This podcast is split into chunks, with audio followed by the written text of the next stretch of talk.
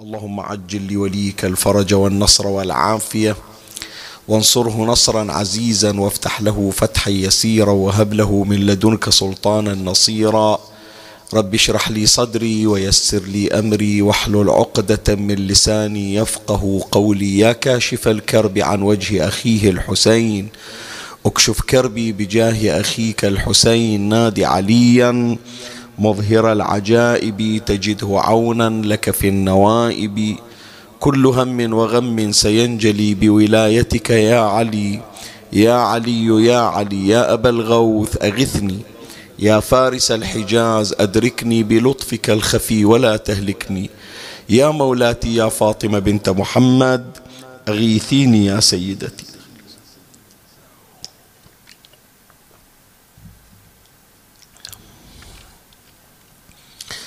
صلى الله عليك يا سيدي ويا مولاي يا رسول الله.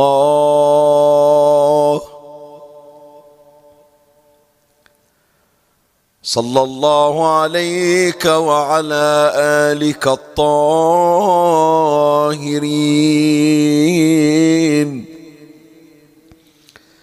فاز من اعتصم بكم.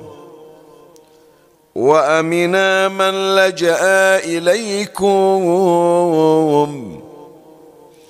يا ليتنا كنا معكم سعادتي فنفوز فوزا عظيما.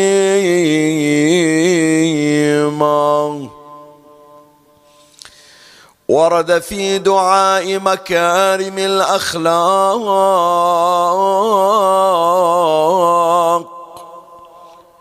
للإمام علي بن الحسين زين العابدين عليهما السلام. بسم الله الرحمن الرحيم. اللهم صل على محمد وآل محمد وعجل فرجهم والعن عدوهم. اللهم خذ لنفسك من نفسي ما يخلصها. وأبق لنفسي من نفسي ما يصلحها. فإن نفسي هالكة أو تعصمها. برحمتك يا أرحم الراحمين. وصل اللهم على سيدنا ونبينا محمد وآله الطاهرين. اللهم صل على محمد وآل محمد وعجل فرجهم. اللهم صل على محمد وآل محمد وعجل فرجهم. اللهم صل على محمد وآل محمد وعجل فرجهم. هذه هي الحلقة رقم 19 من سلسلة من مضامين دعاء مكارم الأخلاق ومرضي الأفعال للإمام علي بن الحسين زين العابدين صلوات الله عليه. والذي كنت قد ابتدأتها معكم منذ مطلع هذا الشهر الفضيل. وفي كل ليلة نتوقف عند فقرة من فقرات هذا الدعاء الميمون ونقوم بالتأمل وإعمال الفكر في مضامينه ودلالاته. وهذه فقرة أخرى من ضمن الفقرات التي يقول فيها الإمام سلام الله عليه اللهم خذ لنفسك من نفسي ما يخلصها وأبقي لنفسي من نفسي ما يصلحها فإن نفسي هالكة أو تعصمها. الإمام علي بن الحسين زين العابدين سلام الله عليه كأنما يصنف حالات عباد الله عز وجل إلى ثلاث حالات. أما الحالة الأولى فهي حالة عباد انصرفوا إلى شؤون حياتهم وتركوا عبادة الله عز وجل. يعني هم يقرون بأنهم عبيد لله تبارك وتعالى. لكن أخذتهم الدنيا هو كان يفترض فيه بأنه يأخذ من دنياه مقدار الحاجة. كما أشار إلى ذلك الإمام الحسن عليه السلام. قال نزل الدنيا بمنزلة الميتة. خذ منها ما يكفيك. الإمام الحسن عليه السلام يشير إلى مسألة شرعية. الميتة الميتة ما هي؟ الميتة التي تموت دون تذكية شرعية. الذبيحة الحيوان أعز الله السامعين والمكان إذا فارق الحياة من غير ذبح. هذا يسمى ميتة وحكمه في الشريعة أن لا يؤكل يحرم أكل الميتة. طيب لو أن شخصا لم يجد ما يأكله وإن لم يأكل هذه الميتة فإن حياته تكون في خطر أو يقع عليه ضرر. هل يجوز له؟ يجوز له ولهذا أكو قاعدة شرعية عند الفقهاء عند الضرورات تباح المحظورات. أكل الميت محظور يعني محرم. لكن لما جاءت الضرورة لابد أن اكل أنا في مكان منقطع. أنا في مكان منعزل لا يتوفر لي ذا الطعام لدي الطعام. إن لم أكل فإني سأفارق الحياة. يجوز لك أن تأكل من الميتة المحرمة لكن هذا الأكل بأي مقدار؟ يعني أنت تأكل إلى حد التخمة إلى حد الشبع؟ لا. تأكل بمقدار ما يسد الحاجة. خلاص الآن بهالمقدار اللي أكلته تستكفي. لا يجوز لك أن تأكل. شوف شلون. حاجة واحدة لكن يجتمع فيها الحلال والحرام. هي ميتة واحدة. إذا الضرورة موجودة حلت لك. ارتفعت الضرورة. الآن الكمية اللي أكلتها خلينا نقول مثلا 120 جرام كافي. يبقيك على قيد الحياة. أكثر من 120 جرام صار محرم. الإمام سلام الله عليه يأخذ هذا التطبيق الفقهي ويقرنه بالتعامل مع الدنيا. الدنيا أيضا مو والله كل شيء أنا يعجبني أركض وراه. مو كل شيء يدغدغ مشاعري أنا ألهث وراءه الدنيا ما تنتهي والنفس ما تشبع. فلهذا الإمام سلام الله عليه يقول نزل الدنيا بمنزلة الميتة لو أنه أنت في مكان منقطع ما عندك إلا مثلا هذا اللحم لحم الميتة تأكل منه بمقدار الحاجة. دنياك خذ منها بمقدار الحاجة. نزل الدنيا بمنزلة الميتة خذ منها ما يكفيك. فالحالة الأولى التي يصنفها الإمام زين العابدين عليه السلام. حالة أناس لا ما مشوا على منهج الإمام الحسن عليه السلام. صار يلزم نفسه بمجموعة من الوظائف والمهام. ويبقى ستين سنة سبعين سنة ثمانين سنة ما يرتاح فيها ما يرتاح. إذا نسمع أنه أكو مثلا بعض الموظفين عنده ثمان ساعات يشتغل فيها حتى لو أكثر وعند الباقي 16 ساعة. المفروض يرتاح فيها ينام فيها يأكل فيها يقعد ويا أهله. لا يتمنى يحط على ال 24 ساعة ساعات إضافية. يقول الدنيا ما ألحقها. زين. فهذا اللهث وراء الدنيا يجي على حساب شنو؟ يجي على حساب العبادات. قصر في عبادته مع الله عز وجل. صار له سنوات ما راح زار ما راح عمره ما راح حاج ما قرأ قرآن ما ختم قرآن ما صلى صلاة الليل ما صلى صلاة جعفر. ما قام بهذه العبادات. ليش؟ مشغول شيخنا. زين ومشغول. انت المفروض الشغل هذا لكي تبقى في الدنيا حتى تعبد الله عز وجل. وما خلقت الجن والإنس إلا شنو؟ ليشتغلون إلا ليعبدون. فإذا حالة من حالات عباد الله حالة سلبية اهتموا بشؤون حياتهم وكان هذا الاهتمام على حساب عبادة الله تبارك وتعالى. زين. القسم الثاني الحالة الثانية اللي يصنفها الإمام سلام الله عليه حالة أناس زهدوا في الدنيا. قال أنا كلها هذه الحياة ما تسوى عندي مق... وقت أقضيه لصلاتي لصلاتي ركعتين لربي. إيش أسوي أنا بملذات؟ إيش أسوي أنا بشهوات؟ إيش أسوي أنا بإشباع غرائز؟ إيش أسوي أنا بمجموعة من متع الحياة؟ أنا كل هذه الدنيا بما فيها لا تعادل خمس دقائق أصلي فيهما ركعتين لربي. زين. فلهذا تشوف ذول الأشخاص جندوا أنفسهم فقط لعبادة الله تبارك وتعالى. ولما تجي تسألهم زين شؤون الحياة شلون؟ تزوجت لو لا يقول لا ما إلي خلق أتزوج. ليش؟ قال أخاف أن الزوجة تشغلني. أخاف أنه عيال باكر إذا جبت يشغلوني عن العبادة. أخاف أنه أنا مثلا إذا أنشأت حياة زوجية أكون مطالب بعمل أكون مطالب بوظيفة. العمل والوظيفة هذا راح يقطع قسم من أوقات حياتي الأوقات هذه عوض أن أقضيها في عبادة الله. أروح أقضيها ويا زوجة ويا عيال ويا شغل ويا وظائف ويا لا لا.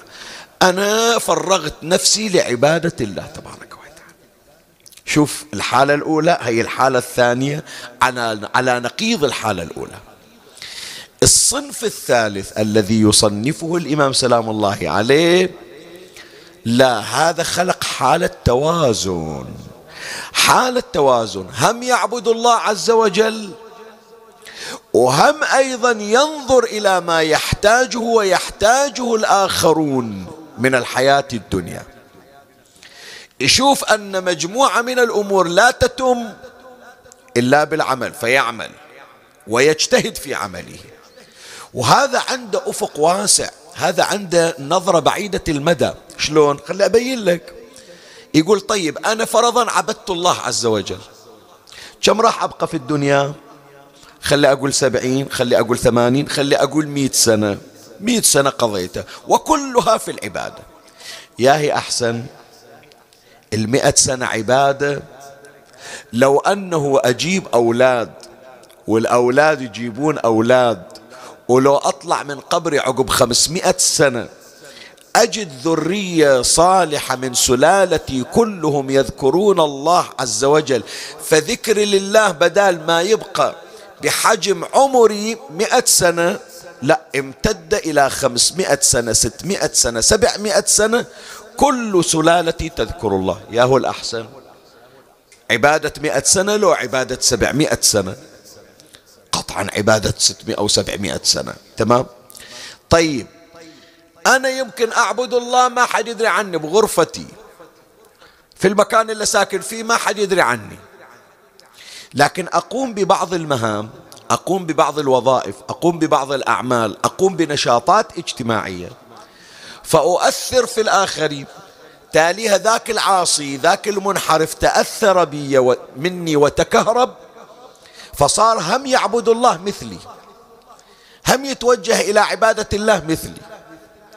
إمامنا علي الهادي عليه السلام إمامنا الحسن العسكري عليه السلام. جابوه حطوه في سجن. وهذا السجن مخلين عليه اثنين من الأتراك. هذول ما يوم صلوا ما يعرفون الله ما يعرفون رسول الله. الإمام سلام الله عليه أثر فيهم فصاروا يعبدون الله كما يعبد الإمام العسكري عليه السلام ربه. إن ركع الإمام ركعوا خلفه. وإن سجد سجد الإمام سجدوا خلفه. ياهو الأحسن. عبادة هو وحده لو عبادة يشرك معه الآخرين. فلهذا إحنا يا أحبائي يسمونا الأمة المرحومة. ليش سمونا الأمة المرحومة؟ واحدة من معانيها أن رحمة النبي صلى الله عليه وآله تجلت فينا. لو لم تكن عند النبي صلى الله عليه وآله أمة فيها أمثال سلمان وأبو ذر وعمار والمقداد ورشيد الهجري وميثم التمار وحبيب ابن مظاهر وكل هؤلاء الأبطال أمثال الشريف الرضي أمثال الشيخ الصدوق أمثال الشيخ المفيد أمثال الشيخ المقدس الأردبيلي أمثال الشيخ البهائي أمثال مراجعنا العظام. إلا هم يجسدون أخلاق الأنبياء أخلاق الأهل البيت عليهم السلام. لو كلهم عاشوا يا أحسن يا أحسن هذه الأمة التي ظلت في كل مئة عام تجدد أخلاق رسول الله صلى الله عليه وآله. عندنا في الروايات أن كل مئة سنة يأتي مجدد للإسلام. من العلماء من الأبدال من الأخيار. يجي يحمل أخلاق علي بن أبي طالب. يجي فترة تكاد أخلاق أمير المؤمنين تبقى فقط مقصورة على الكتب. يطلع لنا واحد من العظماء يحمل أخلاق علي يحمل أخلاق رسول الله يحمل أخلاق الإمام الرضا يحمل أخلاق الإمام الحسين عليه السلام. يرجع لنا صورة سلمان المحمدي. يرجع لنا صور أولئك الأبطال الأفذاذ النماذج الراقية. فتشوف بين فترة وثانية يتجدد الدين تتجدد الولاية. خلي ما دام مرينا يعني. شوفوا يا أحبائي هذه خليها الليلة فكروا فيها. ليلة قدر فكروا فيها. وهذا حتى حتى نعرف بأننا مشمولون بنظرة أهل البيت صلوات الله عليهم وبعنايتهم. أحيانا تمر فترة من الفترات ما حد عنده إقبال على التعزية ما حد عنده إقبال على الزيارة ما حد عنده إقبال على إحياء الليل.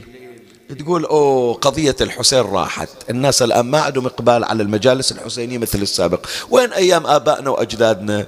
الآن مع التطور الناس راح تسد مواتمها. ما تشوفوا إذا طلعوا لك أولاد صغار براعم. يعني على ثمان سنين تسع سنين يمكن ما يوصل بعضهم ما يوصل عشر سنين لكن عنده عشق إلى الحسين من وين جابه ما تدري. ما تشوفوا إذا طلع لك أولاد بنات صغار بعدهم بالابتدائي أول ابتدائي ثاني ابتدائي سبع سنين ثمان سنين عمرة. وإذا عنده عشق إلى صلاة الليل. سابقا الناس تظن بأنه إحياء ليلة القدر فقط للعجائز للشيبة لكبار السن. الشباب لا في عالم عالم الماديات وعالم اللذات وعالم الشهوات. جابهم لصلاة الليل؟ تاليها تتفاجئ تشوف شاب ترك كل متع الحياة. كل متع الحياة وكل لذاتها ويجي يشلب لك بإسطوانة عند مسجد يعبد الله. ويمكن عبادته تصير مميزة حتى عن أولئك الكبار اللي قضوا أعمارهم في المساجد والحسينيات. من وين؟ هي نفحات المولى صلوات الله عليه. تتجدد في كل فترة تتجدد الأمة حتى تبقى أخلاق أهل البيت حتى تبقى أخلاق نبينا محمد صلى الله عليه وآله. اللهم صل على محمد وآل محمد. فإذا الحالة الثالثة حالة توازن. حالة توازن بين عبادة الله عز وجل وبين ممارسة الحياة بجميع مجالاتها. هذا يروح يشتغل يدرس يمارس حياته الطبيعية ويرجع إلى محرابه ويرجع إلى مصلى. وهذا ما دعانا إليه إمامنا زين العابدين عليه السلام. لأن هذا هو منهج القرآن يا إخواني. القرآن يقول وابتغي فيما آتاك الله الدار الآخرة. يعني شلون؟ فكر في آخرتك. فكر في عبادتك. فكر ف... كيف تكون قريبا من الله عز وجل. زين أبند مدرستي. المحل اللي عندي بالسوق أكنسله أخلي اللي يجي ياخذه ما إلي شغل فيه خلاص ألزم محراب. قال له لا. القرآن يقول ولا تنس نصيبك من الدنيا. وأحسن كما أحسن الله إليك ولا تبغي الفساد في الأرض إن الله لا يحب المفسدين. توازن بين العبادة وبين ممارسة شؤون الحياة. زين يجي واحد يقول شيخنا يعني لو قلنا أن العبادة ثمان ساعات والعمل الحياة اليومي ثمان ساعات ونومتي ثمان ساعات فإذا ثمان ساعات العمل ما أذكر الله فيها؟ لا. حتى عملك هو أنت مع الله فيه. أمير المؤمنين سلام الله عليه يزرع. أمير المؤمنين عليه السلام يدخل الحرب. أمير المؤمنين عليه السلام يساعد المساكين. أمير المؤمنين عليه السلام يصل أرحامه. أمير المؤمنين عليه السلام يدخل إلى السوق. ويجلس مع أصحابه. شو تقول؟ هل فترة أمير المؤمنين بعيد عن الله؟ أبدا. في قلب المعركة مالك الأشتر لما افتقد أمير المؤمنين عليه السلام في ليلة الهرير في صفين وكان بالليل وخاف أن أمير المؤمنين عليه السلام أصابه سهم وقتل. كسر غمد سيف مالك الأشتر وقال ما أرجع إلا جايب علي بن أبي طالب. وإجت جماعة وياه قالوا إحنا وياك يا مالك ندور علي بن أبي طالب وين صار؟ فما جاءوا إلى أمير المؤمنين عليه السلام إلا وهو قد صف قدميه في قلب المعركة يصلي صلاة الليل في وقت المعركة شوف في وقت المعركة وفي ذلك الجو المكهرب المحاط بالأخطار. صار وقت الصلاة وقف أمير المؤمنين يصلي. ذولا اجوا سووا حلقة داير مدار أمير المؤمنين عليه السلام. ابن عباس إجا عطى ظهر الأمير المؤمنين استقبل القوم بوجهه. حتى إذا أكو سهام السهام تصل إليه ولا تصل إلى أمير المؤمنين عليه السلام. من خلص علي بن أبي طالب عليه السلام. يقول لابن عباس يا أمير المؤمنين أها هنا صلاة؟ انت وين؟ انت بجوف الكعبة؟ انت وين؟ بالمحراب بمسجد الكوفة بمعركة. صلاة الواجبة إحنا نختصرها حتى ما يوصل إلنا ضرار. انت وين؟ قال يا ابن عباس وهل قاتلناهم إلا على الصلاة؟ الإنسان هالشكل يا إخواني اللي يصير قريب من الله عز وجل ويسكن الله قلبه. موسى الكليم عليه السلام يناجي ربه يقول يا رب أين أجدك؟ قال في قلب عبدي المؤمن يا موسى لن تسعني سماواتي ولا أرضي ولكن وسعني قلب عبدي المؤمن. أنت من استو مسكن إلى الله في بيتك وين ما تروح روح. روح الوظيفة روح الجامعة روح المدرسة روح السوق سافر للسياحة روح تسوق. إلا تصير بالحلاق تحلق وانت قاعد تاكل. الله معك أينما كنت. هو هذه الحالة المثلى التي يطلب منا الإمام زين العابدين عليه السلام أن نكون عليها أن نكون مع الله تبارك وتعالى في كل شؤون حياتنا في الأمور الحياتية. ولا ننسى نصيبنا أيضا من الدنيا ونفكر أيضا في ابتلاء في ابتغاء الآخرة. لكن ونقف عند لكن. سؤال يجينا شيخ ياسين لو اصطدمت الدنيا مع الآخرة لو أن عبادة الله عز وجل تعارضت مع شؤون الحياة يا هي أقدمها؟ طبيعي. طبيعي الدنيا لا قيمة لها أمام الآخرة لأن الدنيا فانية والآخرة باقية. وإنما الدنيا مجرد هي وقود.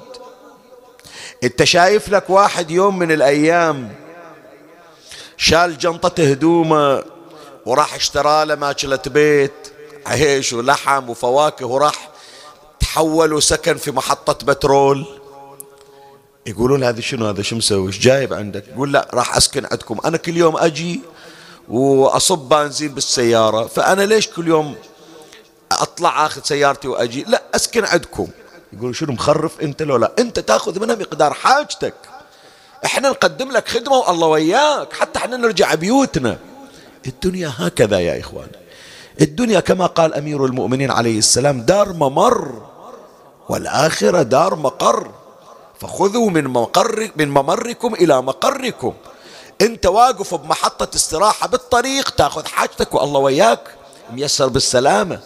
أما واحد يعوف بيته ويعوف القصر اللي بانينه إليه ويعوف أهله اللي هناك ينتظرونه وين والله؟ رايح ساكن بمحطة بنزين خانة. لا عمي شو يقولون عنك؟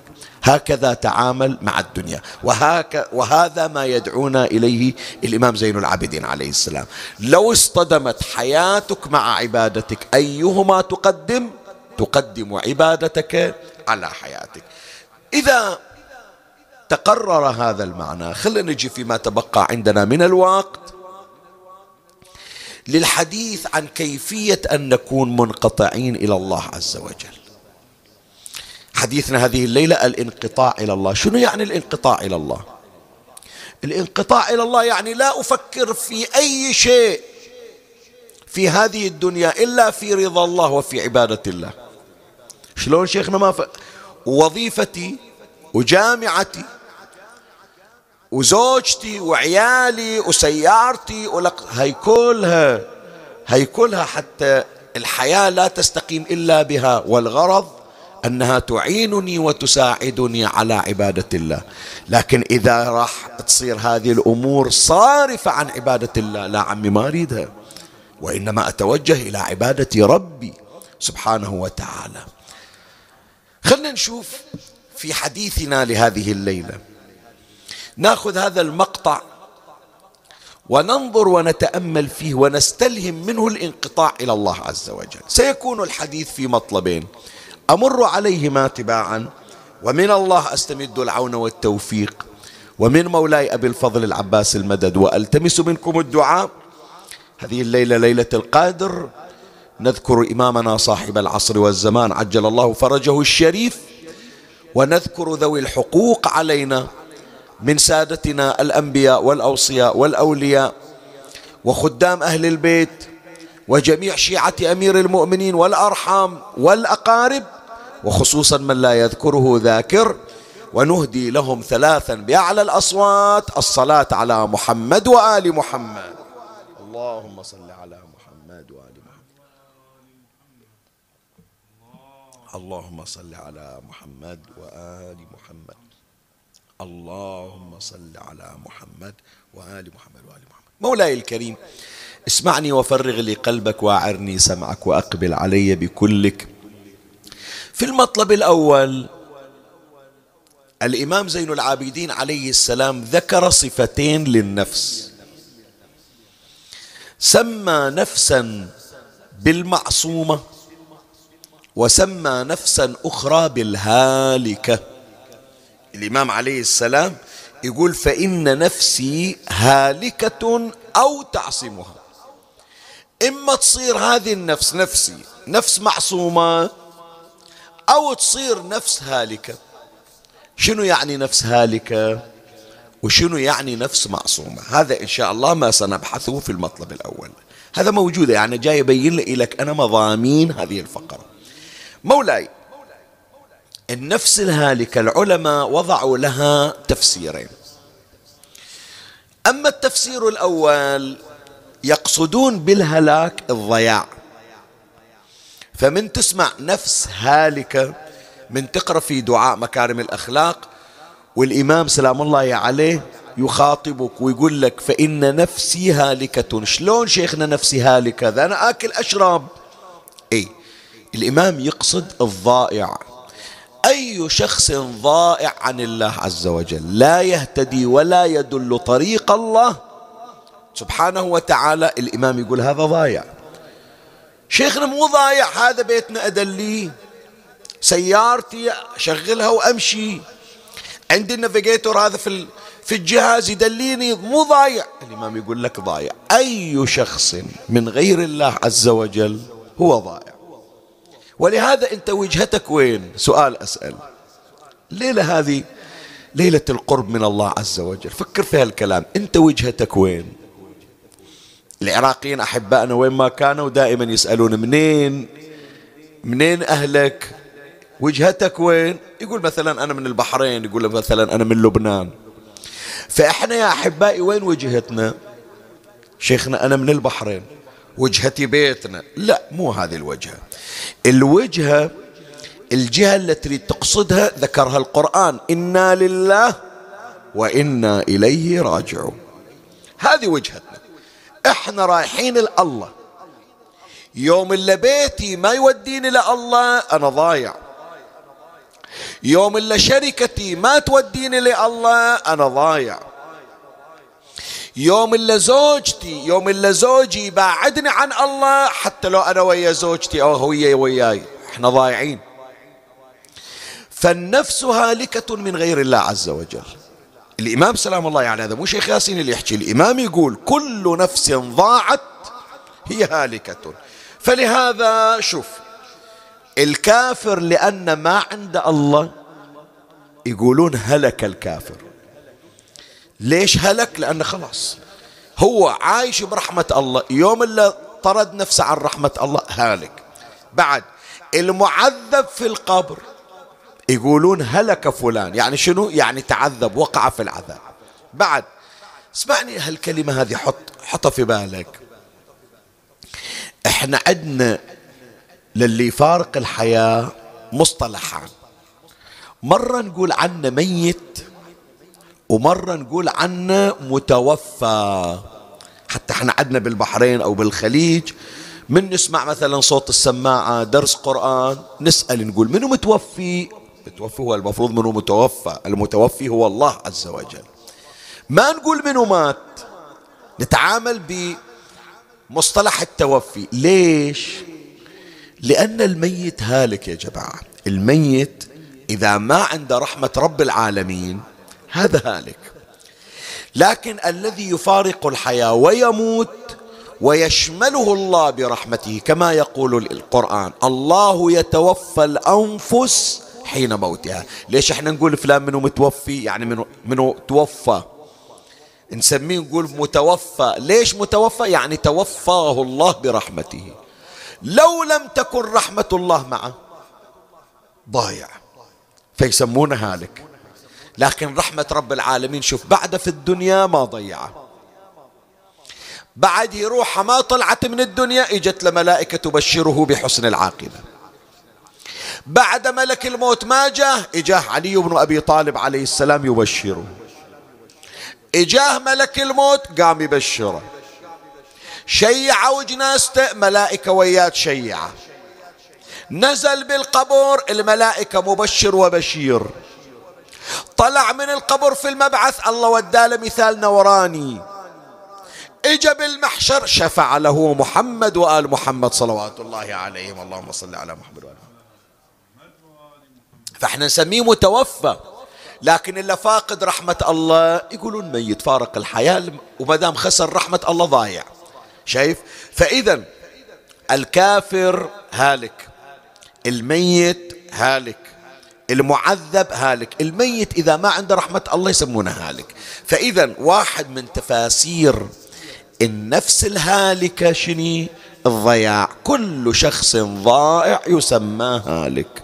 حتى الواحد يا جماعة لو يضيع في البار افرض يشوف نفسه وقفت عليه السيارة في وين؟ بتشول بالبر. ما يدلي وين يروح شي يقول؟ يقول أوه هلكنا. شنو هلكنا؟ خلاص يعني الضياع هلاك إلا أن تأتي. من يحصل يقول الحمد لله الله رحمنا وجاب لنا ناس. مو تمام؟ خلنا نصور أنفسنا بأن ضعنا في بر. لولا رحمة الله تبارك وتعالى لكنا من الهالكين. وقد رحمنا الله بمن؟ وما أرسلناك إلا رحمة للعالمين. رحمنا بمحمد وآل محمد. صلوات الله عليهم. اللهم صل على محمد وآل محمد. زين التفسير الثاني للنفس الهالكة. شنو هو؟ مو الضياع. شوية باي خالف هذه. عطني شوية اتساع من صدرك وانت تسمعني. النفس الهالكة مو الضائعة لا. يعبرون عنها بالنفس الحريصة. شلون النفس الحريصة؟ إيه. شايف أكو بعض الأشخاص عنده شره. عنده شره أمام كل شيء. شلون شيخنا أمام كل شيء؟ شايف انت الجوعانين من واحد جوعان؟ اللي جاي جوعان خصوصا في وقت الإفطار. من زود الجوع ما ينظم أكله. تشوفه يريد ياكل من هذا الماعون ومن هذا الماعون ومن هذه الأكلة ومن هذه الأكلة. زي شبع هو؟ لا. كانما انتقام من صيامه. هذا بالنسبة للأكل. أكو بعض النفوس يا إخواني شراهة فيها. شلون شراهة؟ تكفيه سيارة. لا. أصف عند البيت ست سيارات كل يوم أطلع بسيارة. يكفي موبايل واحد. لا. ليش هذاك يمدح هذه النوعية من الموبايلات؟ وأنا اللي عندي مكفني وأحسن موبايل. خلي أخذ مثله. أكو بعضهم والعياذ بالله ما أحب أنا أذكر خلي أعرض عنها أحسن يعني. خلي أعرض عنها أحسن. خلي أعرض عنها بالفعل أحسن. بس يمكن أنت عرفت من أنا عرضت عنها إيش أقصد. أكو ناس يا جماعة شراها حتى في سائر الأمور التي يكتفي بواحدة أو بواحد. لكن يفتح على نفسه باب الملذات بحيث ما يقدر يقنن لنفسه. ويدخل في حالة الإدمان الإدمان مو إلا إدمان مخدر أو مسكر. كم من الأمور يا إخواني أدمن عليها؟ الضعاف ضعاف النفس. فالإمام سلام الله عليه يقول النفس هالكة متى؟ إذا أصيبت بالشره. إذا أصيبت بحالة الجوع بحالة الجشع. من يشوف شيء أريد أخذه. عند مكان والمكان مكفي خلي أخذ هالأرض وهالأرض وهالأرض. عند هذا الخزانة إحنا عندنا بالخليج نسميها كبت. نخلي بها الهدوم. فايضة ما تنسد. لا من يروح إلى الهايبر ماركت من يروح إلى المول يشوف ثياب جديدة؟ لا بعد. ليش ما ألبسها؟ زين أنت جاي تعرف شو تسوي؟ أنت جاي تأذي نفسك تدمر نفسك. النفس ترى تصير عندها حالة مثل الإدمان وأكثر من الإدمان. جشع جشع هستيري. من تشوف شيء تريده. زين من تشوف شيء تريده مرة عدها. مرة النفس عدها. عدها فلوس وفلوس من حلال. إذا ما عدها. مستعد ما تقدر النفس تقاوم تقول اليوم ما عندي لين صار عندي. ما دام ابتليت النفس بالجشع والطمع حتى إذا ما عنده فلوس من حلال مستعد يسرق حتى يعيش مثل عيشة الأغنياء. فلهذا تأخذون النفس إلى المحرم. هذا هلاك. الإمام يسميها النفس إذا كانت نفس طماعة غير قانعة هالك هذا. هالك هالك هالك. يسمونه هالك. حتى لو شفته راح وإجا ومشى وأكل وشرب هالك الإمام يسميه هالك. ولهذا شوف القرآن الكريم. استخدم عبارتين ويا الناس. اللي عايش عيشة الجشع والطمع وبعيد عن الله ما يقول هذا واحد حي. لا. يسميه يقول هذا عايش. شلون شنو الفرق شيخنا بين عايش وبين حي. شنو الفرق؟ عمي اللي يقولون فلان عايش حالة حالة عز الله السامعين والمكان بالبهائم. هو يعيش. شلون انت تعيش؟ آكل شيخنا أشرب أنام أتزوج أنجب. حتى البهائم هالشكل تسوي. حتى الصراصير هم إيش تسوي هالشكل؟ الحشرات هالشكل تسوي. البكتيريا الفيروسات هم هالشكل ترى. انت تحيا بذكر الله عز وجل. فلهذا البعيد عن الله عز وجل ما يقولون عنه حي القرآن ما يقول عنه حي شوف شو يقول ومن أعرض عن ذكري فإن له شنو؟ مو حياة فإن له معيشة. حال حال البهائم. ويا ريت مثل البهائم بعد. البهائم من تعيش تعيش مرتاحة. لكن القرآن يعبر عن ذول البعيدين عن الله شنو؟ فإن لهم معيشة ضنكا. مو مرتاح. صدق مو مرتاح. شرفك مو مرتاح. شلون شيخنا أقول لك البهائم الحيوانات ترتاح وما يرتاح. الحيوان أعز الله السامعين والمكان تكفيه الوجبة. شايف انت يوم من الأيام بالله عليكم يعني شايف اعز الله السامعين والمكان حمار صادته تخمة. شايف جمل يوم من الأيام زايد وزنه. منظم نفسه ياكل إلا شباب أشوف بس إحنا التخمة والسمنة تصير عندنا. ليش؟ ذاك الحيوان عنده معيشة لكن مو معيشة ضنكة. القرآن شخص لنا من ذاك الوقت. ما دام ما نظمت روحك ومشيت وراء الجشع والطمع فإن معيشتك ضنكا فإن له معيشة ضنكا بينما لا الذي هو مع الله هو الحي. فلهذا شوف القرآن يقول من عمل صالحا من ذكر أو أنثى وهو مؤمن شنعطيه فلنحيينه. هذا حي ومو أي حياة. فلنحيينه حياة طيبة. كل حياته منظمة. كل حياته مرتبة. إذا كان مع الله تبارك وتعالى. عرف هذا حرام؟ ما أمد ديني عليه. عرف بأن هذا يكفيني؟ خلاص. أسير على هدى محمد وآل محمد صلوات الله عليهم. اللهم صل على محمد وآل محمد. زين فهذا أول صفة ذكرها الإمام في من صفات النفس سماها النفس الهالكة. شنو هالكة؟ إما ضائعة وإما جشعة شرهة زين في قبالها أكو نفس ثانية يسمونها النفس المعصومة. الإمام في الدعاء يقول فإن, فإن نفسي هالكة أو تعصمها. يعني إما أنك يا رب تعصمها فتصير معصومة وإذا تركتها أي هي أو هي تركت صارت نفس هالكة. شنو يعني نفس معصومة؟ شيخنا المعصومين غير 14 إحنا بعد معصومين؟ إي نعم. أنت معصوم. شلون شيخنا؟ والذنوب اللي عندي؟ صح.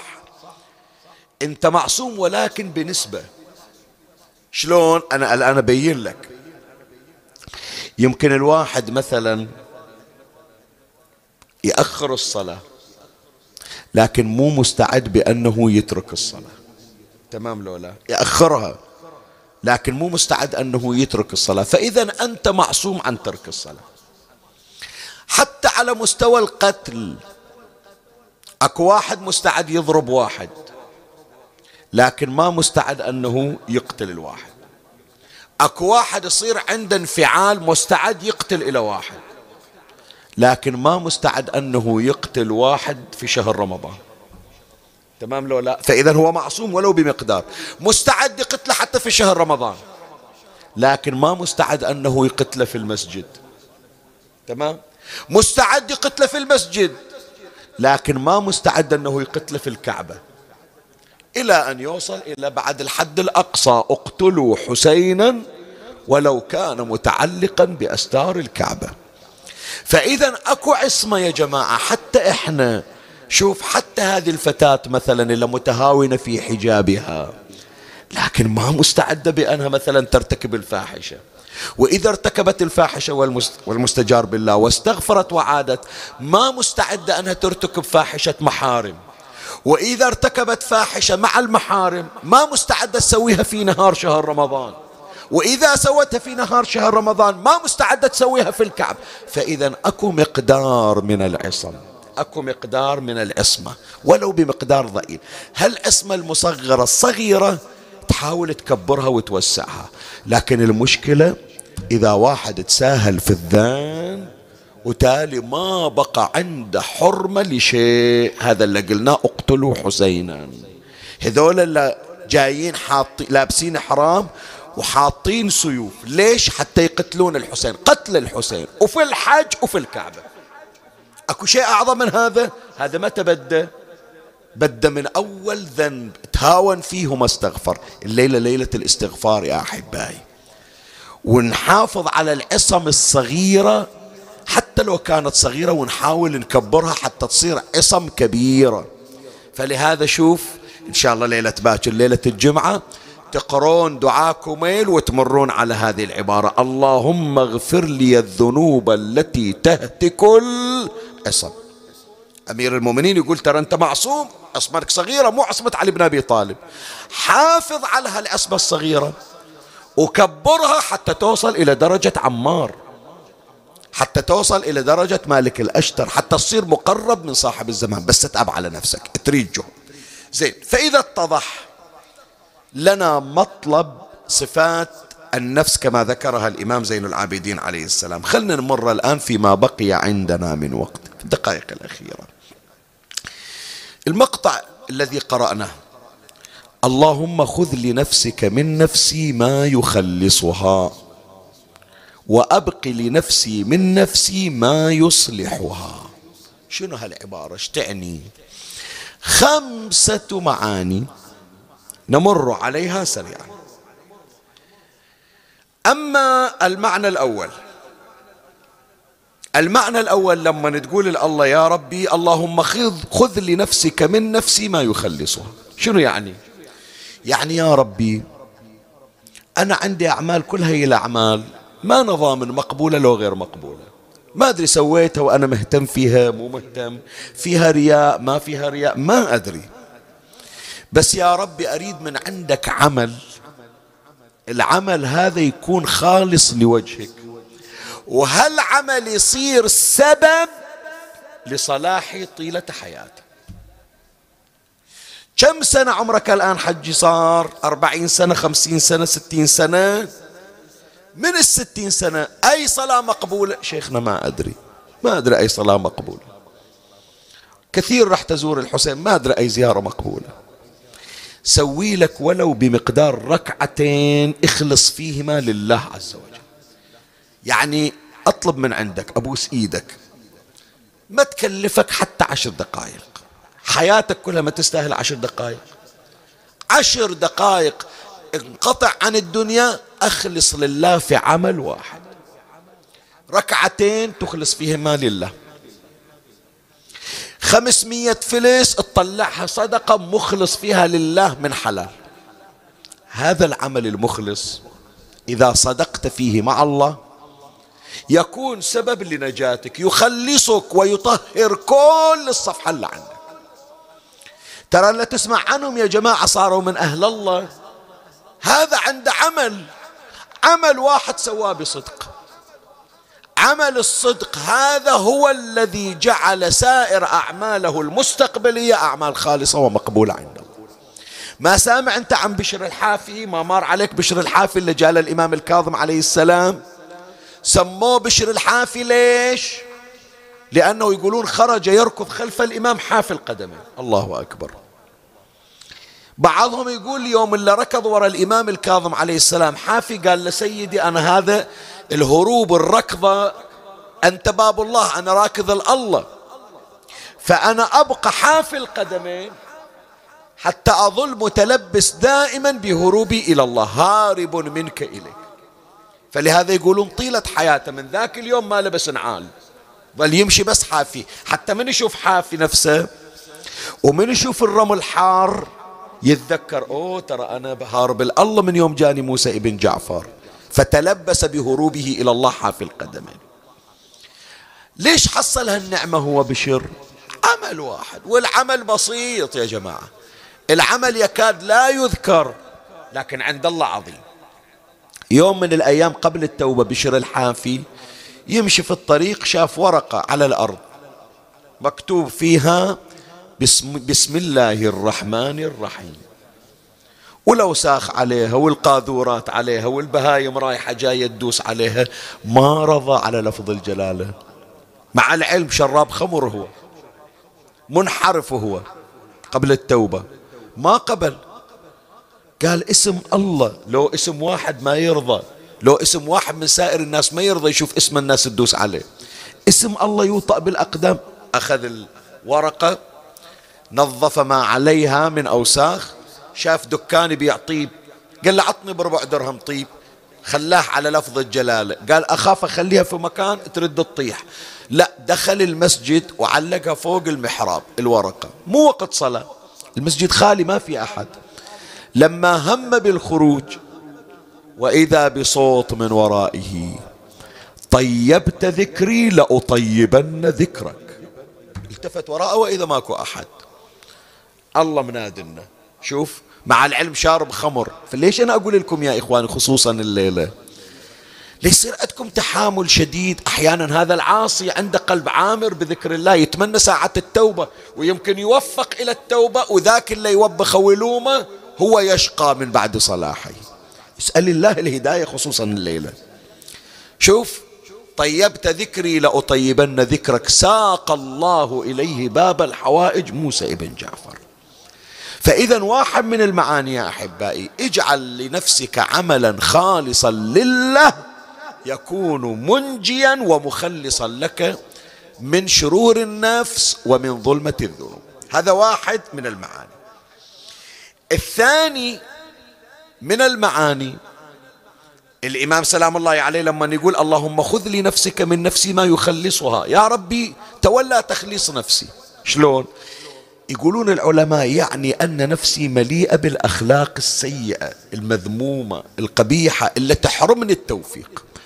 فيا ربي حتى أصير خوش آدمي طهرني هذه الأخلاق السيئة ساعدني يا رب أني أنا أتخلص من عندها حتى أخلص نفسي من شرورها. لأن ما دام هالنزعات الشيطانية في قلبي أنا بعدي في خطر. فلهذا يا أحبائي الليلة غير ليلة القدر اسمع إيش أقول لك. الليلة غير ليلة القدر. رحمة الله هل لها حد؟ الليلة الليلة هذه. شوف عندنا بعض الليالي يا إخواني لو واحد شك يقول يمكن الله ما يتوب علي يمكن الله ما يغفر إلي ظلم الله عز وجل. واحدة منها في عرفة من شك أن الله لم يغفر له فقد ظلم الله. الليلة هم نفس الشيء ليلة القدر. من شك أن الله لا يغفر له فقد ظلم الله. لكن عندنا أشخاص محرومين من رحمة هذه الليلة. خلي أذكر لك الرواية رواية الإمام الرضا عليه السلام. يقول في أول ليلة من شهر رمضان يغل, يغل المردة من الشياطين ويغفر في كل ليلة سبعين ألفا. فإذا كان في ليلة القدر الليلة هذه. فإذا كان في ليلة القدر غفر الله بمثل ما غفر في رجب وشعبان. الله أكبر رحمتك يا أرحم الراحمين. غفر الله بمثل ما غفر في رجب وشعبان وشهر رمضان إلى ذلك اليوم. اسمع إلا رجل بينه وبين أخيه شحناء. عداوة يعني. إيه خلي رمضان يطلع أراوي أنا متحضر إلى أنا أنا الحين بس حشيمة لشهر رمضان. لكن يطلع الشهر ونعيد بالسلامة المحامي يروح للمحكمة يرفع عليه قضية أوقف أراويه أنا. العداوة تشتغل. هو يبكي يقرأ دعاء جوشان سبحانك يا لا إله. الإمام يقول يقول مدام قلبك مليء بالعداوة والحقد والانتقام والرغبة في التشفي الرحمات اللي يوزعونها بقد رجب وشعبان ورمضان انت محروم من عندها ذاك البعيد.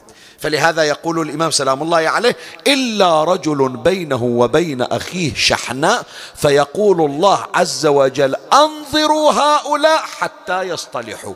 روح الليلة صلح اللي بينك وبين اللي معادنا حتى تاخذ رحمة الله ولا تنحرم من عندها ترى مو كل ليلة فيها ليلة قدر. ليلة واحدة في السنة. لا تخلي هذه المعوقات تحول بينك وبين رحمة الله.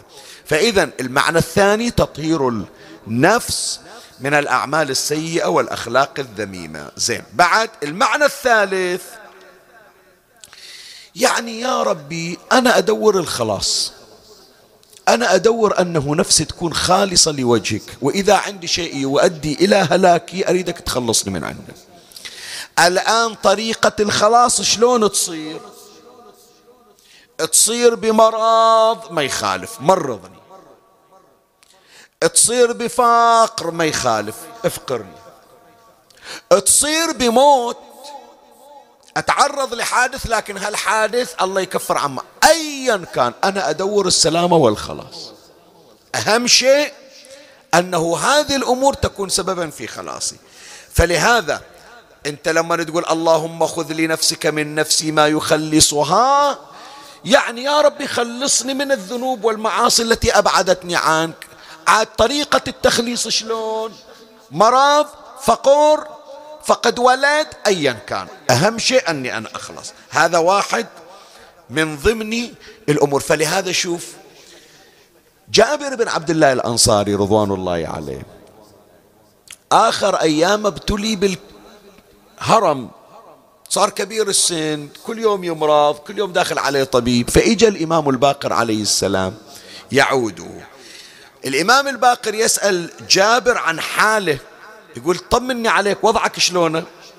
فقال له جابر أنا في حالة أحب فيها الشيخوخة على الشباب والمرض على الصحة والموت على الحياة. يعني بعد خلاص خلص عمري إيش أسوي بعد في الدنيا أكثر؟ شوف الإمام الباقر عليه السلام شي يقول. فقال الإمام سلام الله عليه أما أنا يا جابر فإن جعلني الله شيخا أحب الشيخوخة. وإن جعلني شابا أحب الشبوبة يعني الشباب. وإن أمرضني أحب المرض.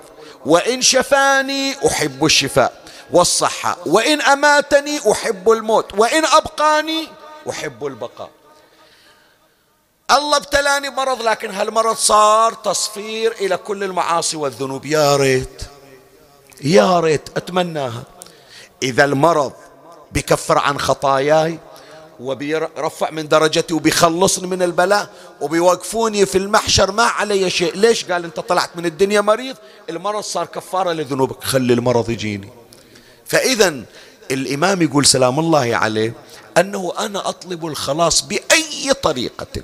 سلمتني يا رب وخلصني من النار. نعمة. أبوس إيدي عليها. لا ابتليتني بابتلاء في الدنيا. وصار هذا الابتلاء سبب للتكفير تكفير المعاصي والذنوب فذلك ما أرجوه أرجو أن تخلصني من شرور نفسي. هذا المعنى الثالث. المعنى الرابع الإمام سلام الله عليه يقول يا ربي قضيت من عمري خمسين سنة ستين سنة. واجتمعت علي الذنوب والمعاصي. وأنا أريدك يا ربي تاخذ حقك إذا أنت راح تحاسبني على اللي سويته في حياتي. يوم القيامة لا.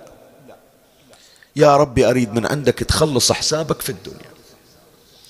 لأن حساب الدنيا يمكن أصبر عليه حتى لو كان قاسي حتى لو كان شديد. لكن حساب الآخرة ما أقدر. يا جماعة ما نحكي إحنا عن عذاب نار شنو؟ إحنا وين؟ وعذاب النار وين؟ شلون أنا أقول لك؟ أنت الآن شوف جيب أي خطيب شيخ ياسين أو غير شيخ ياسين. من يبدي يقول لك الليلة موضوعنا عن النار؟ النفس تنقبض. هو ما جاب لك نار وشواك فيها. هو سولف لك خمس دقائق على النار. النفس ما ترضى. فكيف بمن يدخل النار؟ أم كيف يشتمل عليه زفيرها؟ الله أكبر الله أكبر. شنو يعني يشتمل عليها؟ يعني مو النار زفرة النار بس. هي في حد ذاتها. الإمام يقول آه آه من نار تنضج الأكباد والكلى وين أنا أقدر؟ أنا النار ما أقدر. زين إذا مو النار هذا القبر الآن. صور هالأيام شوية الجو حار حتى الناس يمكن ما تروح تزور أمواتهم القبور باكر. الخميس يمكن مو الكل يقدر يروح. الجو حار شيخنا ما نقدر. نقرأ لهم فاتحة عن بعد. فلو قالوا لك نم في القبر ولو بمقدار خمس دقائق عشر دقائق. منو عنده طاقة؟ منو عندك قدرة؟ انت مكان ضيق شوف. مجلس الحسين يحطون لك مكيفات وغيره وتكييف وكاربت تقعد عليه. تشوفها زحمة ضيق لا ما إلي خلق. زحمة. تمام لولا. فكيف بضيق القبر؟ يقول أمير المؤمنين وحفرة لو أوسعتها يد حافرها. لو الدفان قال إيه هذا ولدي شوية بعطيه شبر شوية زيادة في القبر حتى شوية يتمغط. لو تحرك ما أضايقه ميت قال إيه بس ما يطاوعني قلبي أضيق عليه. فالدفان لوحا على بسم الله عليكم ابن الشر. أمير المؤمنين يقول وحفرة لو وسعتها يد حافرها لضغطها الحجر والمدر. دفان يرحمك التراب ما يرحمك. فهذا الإمام يعلمنا يقول يا ربي أنا عذاب الآخرة ما لا طاقة لي عليه. خلصني منه في الدنيا. إيش ما عندك؟ إيش ما عندك؟ من بلايا من محن؟ خلا تنزل علي في الدنيا. حتى أجي يوم القيامة وأنا خلاص بعد. ما علي شيء. شوف من يصير عندك هالاعتقاد؟ من تقول يا ربي ما أريد أطلع إلا أنا؟ نظيف الثوب طاهر الصفحة. حتى عذاب الدنيا الله يخلصك منه. حتى عذاب الدنيا. بس الله يريد ناس تقبل عليه يصير عندك خوف من أهوال يوم القيامة. يصير عندك خوف من الجرأة على الله. وتقول يا ربي عاقبني. نفس الولد شايف أنت الآن نحكي ويا الآباء ويا الأمهات. الولد رسب في الامتحان يجيب لك العصا بابا اضربني. ترى ما بيض وجهك رسبت في الامتحان. حتى لو تريد تعاقبه من يقول لك اضربني يكسر خاطرك. هل تكون أرحم من أرحم الراحمين لا هيهات. يا من رحمته وسعت كل شيء. شنو كل شيء؟ يعني وسعت المستحق وغير المستحق. فإذا طلب الإنسان أنه العقوبة تعاجله يا ربي أريد العقوبة في الدنيا حتى أنجو من يوم القيامة. سلمه الله من عقوبة الدنيا والآخرة. هذا من وين ناخذه؟ من القرآن. القرآن حينما تحدث عن نبي الله أيوب عليه السلام شوف إيش قال؟ قال وأيوب إذ نادى ربه أني مسني الضر وأنت أرحم الراحم أولاد راحوا صحة راحت أموال راحت وجاهته راحت الناس تجرأت عليه. إخوانه يشمتون به قال ما يخالف يمكن مسوي شيء مباعدني عن الله. لكن يا ربي أنا أقول لك ما أقول لك شافني ما أقول لك عالجني ما أقول لك رجعني شباب ما أقول لك رجع فلوسي أنت أرحم الراحمين. شوف الله شعطاه فاستجبنا له فكشفنا ما به من ضر وآتيناه أهله ومثلهم معهم يعني أولاد اللي راحوا هم طلعوا من القبور والله عطاه بقدهم. ومثلهم معهم رحمة من عندنا وذكرى للعابدين. تقول يا ربي خلصني من أهوال يوم القيامة. أنا علي ذنوب. إذا أكو عقوبة خلها تنزل علي في الدنيا حتى أرتاح الله يسلمك من عقوبة الدنيا وعقوبة الآخرة. والمعنى الأخير وهو ختام المجلس يا إخواني وهي الوصية التي أوصي بها نفسي وأوصي بها حضراتكم يا أحب الناس إلى قلبي. الإمام سلام الله عليه لما يقول اللهم خذ لنفسك من نفسي ما يخلصها وأبقي لنفسي من نفسي ما يصلحها. شنو يعني؟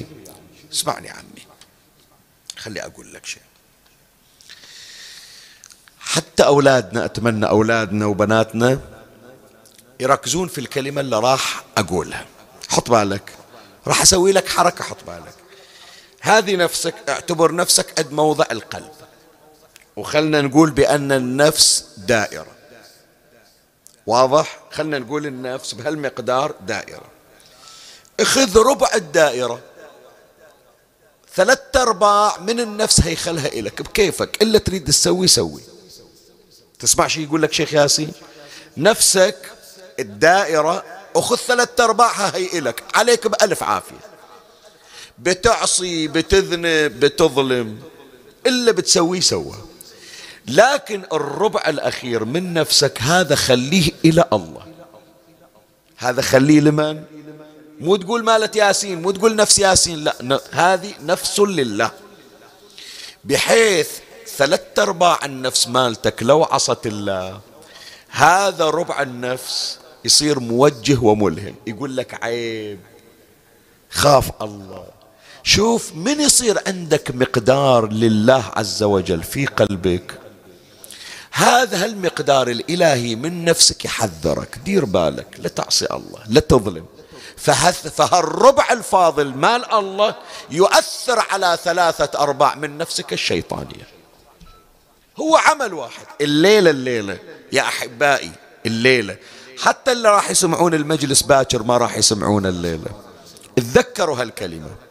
خلي لك مساحة صغيرة في قلبك.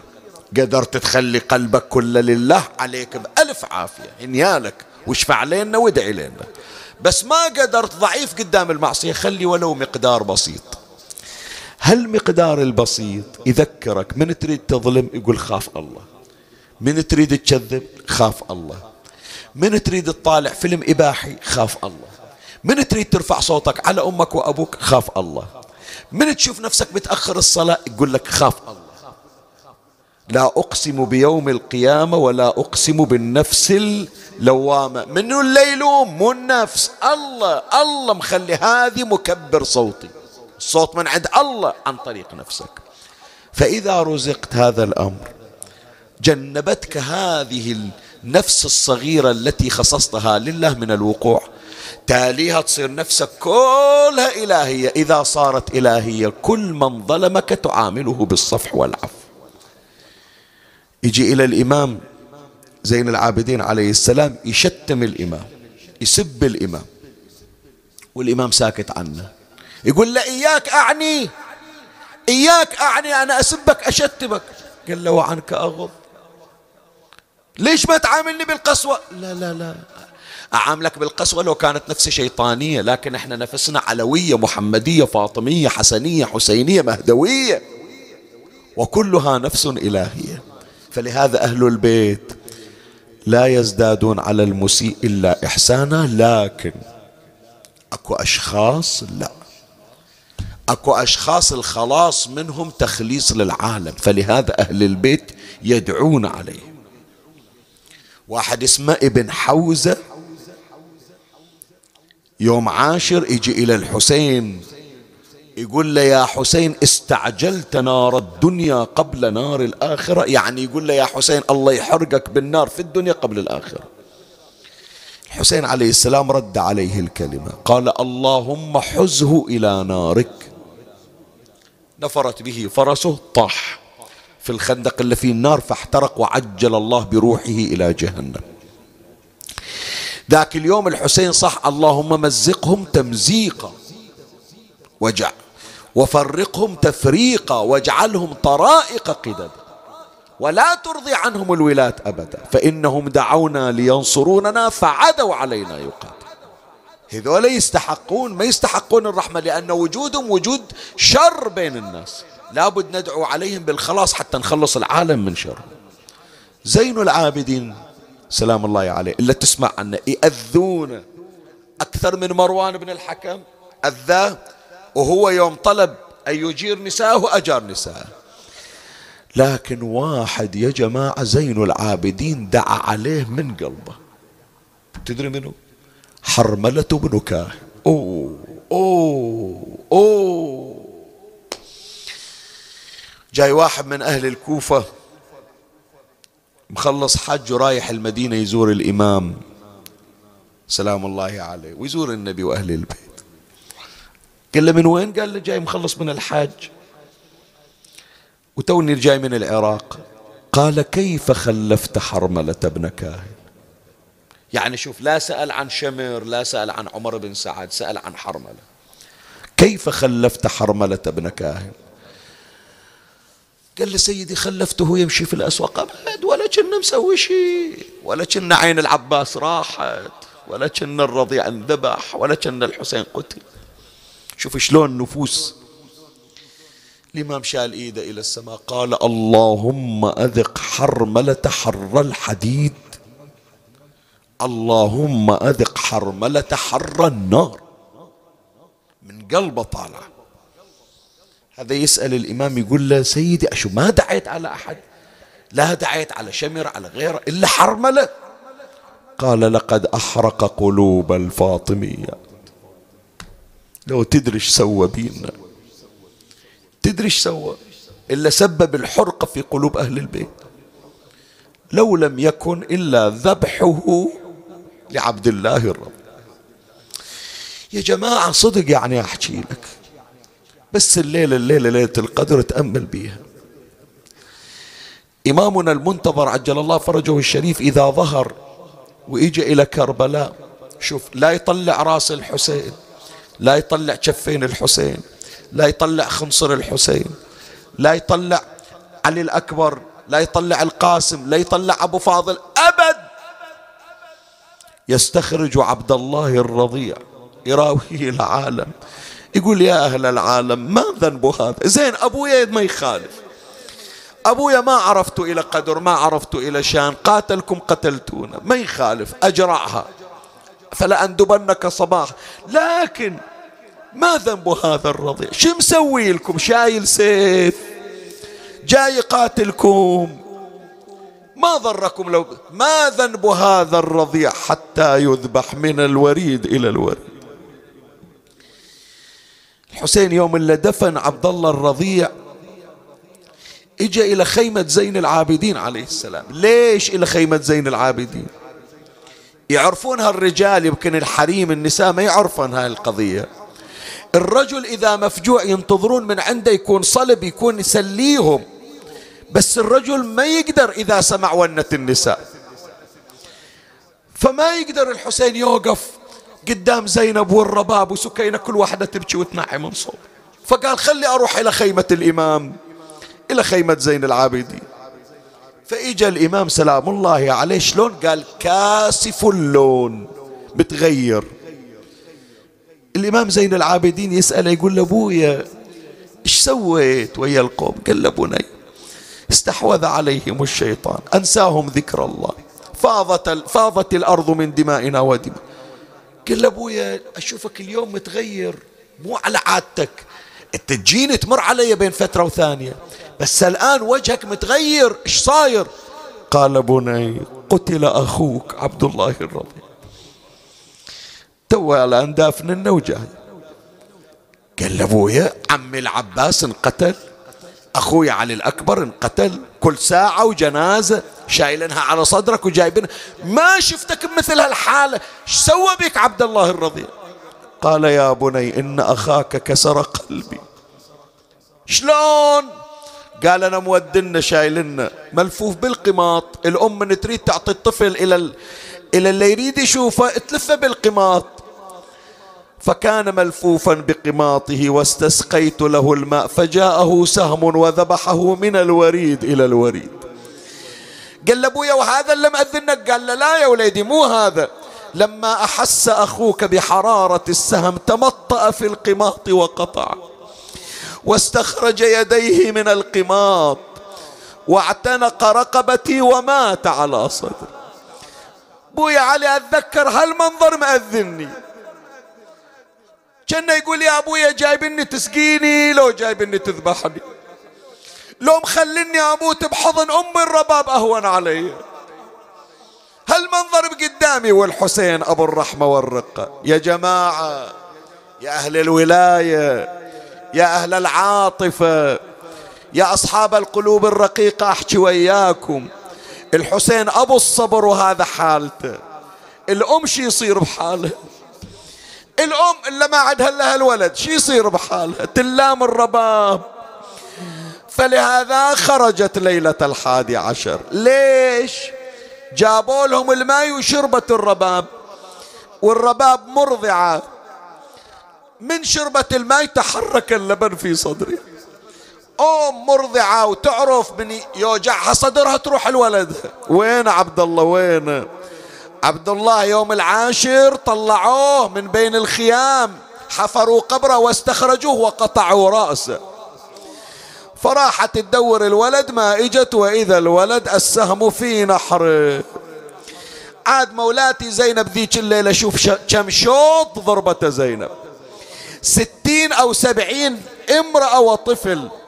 وزين العابدين يقول لها عمة تروحين تدورينهم كل ساعة وتضرب الشوط لهذا يقولون سبعين شوط زينب دارت كربلة تدور على النساء.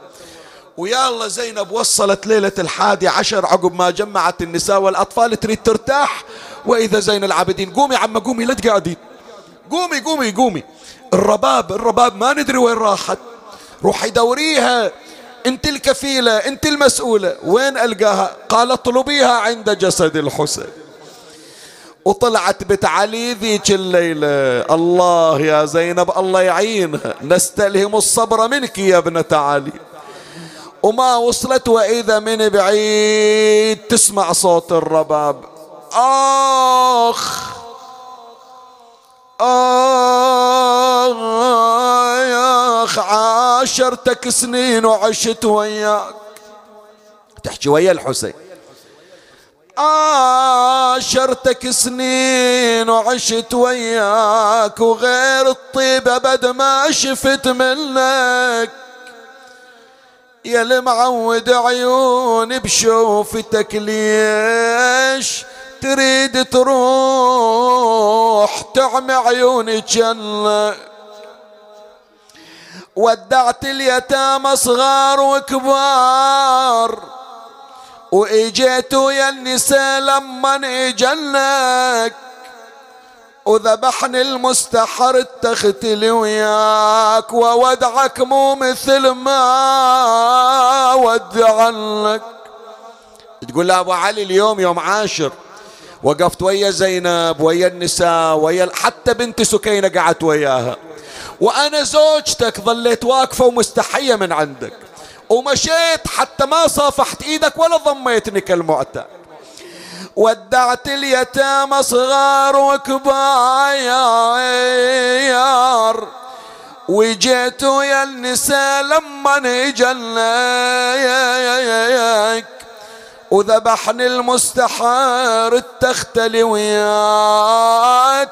وودعك مو مثل ما ودع لك إيش سويت يا رباب؟ وجيت امشي إليك بظلمة الليل.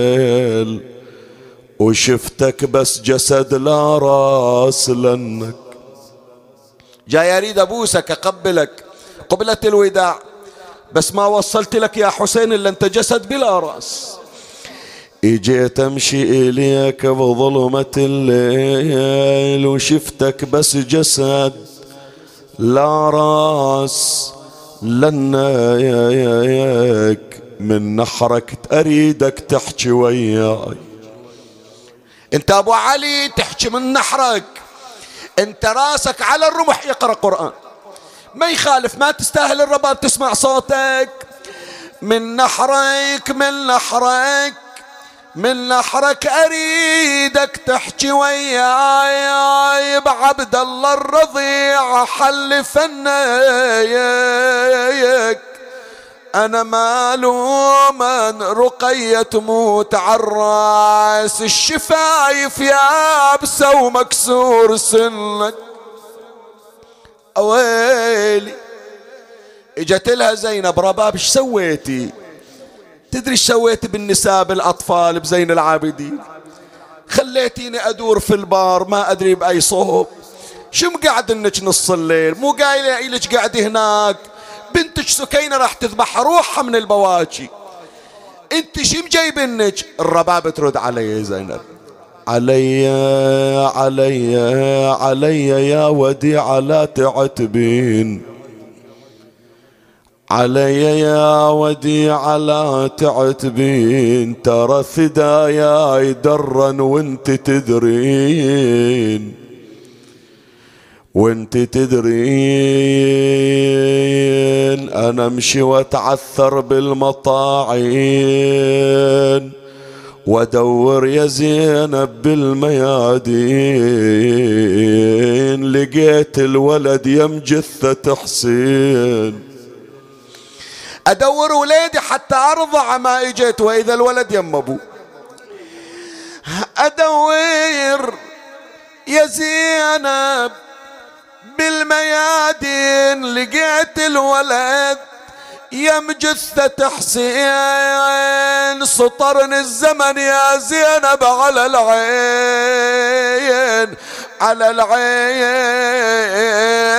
الصبح الولد والظهر الحسين مصيبتين مصيبة على مصيبة.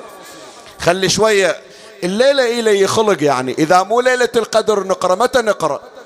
شالت الطفل حطته بحضنها هذه إلى كل أم فاقدة ولد وكل امرأة محرومة من الذرية.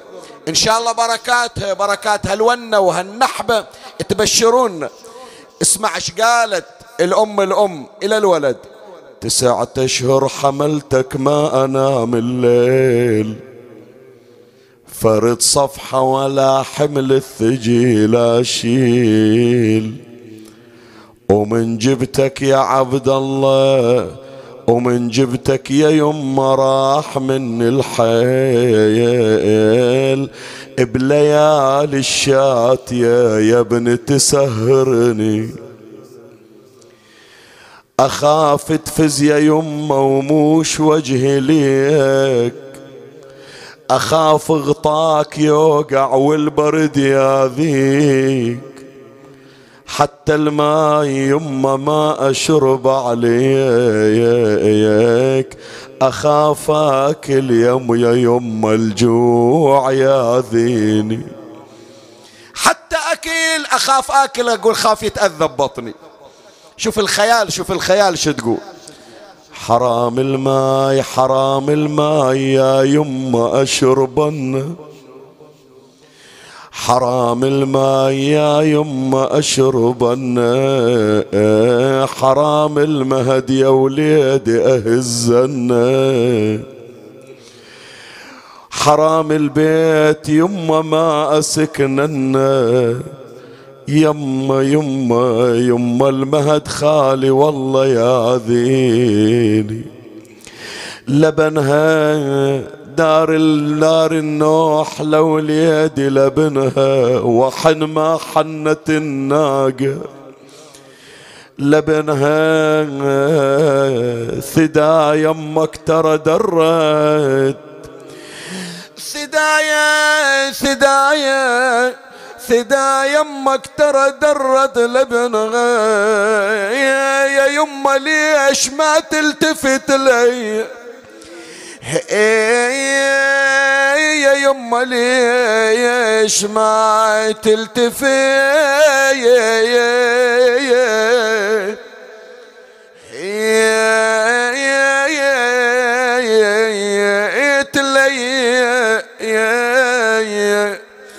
زينب تقول لها رباب قومي شم جايبنك إلى البر بنص الليل. قالت أفز بالليل مرعوبة.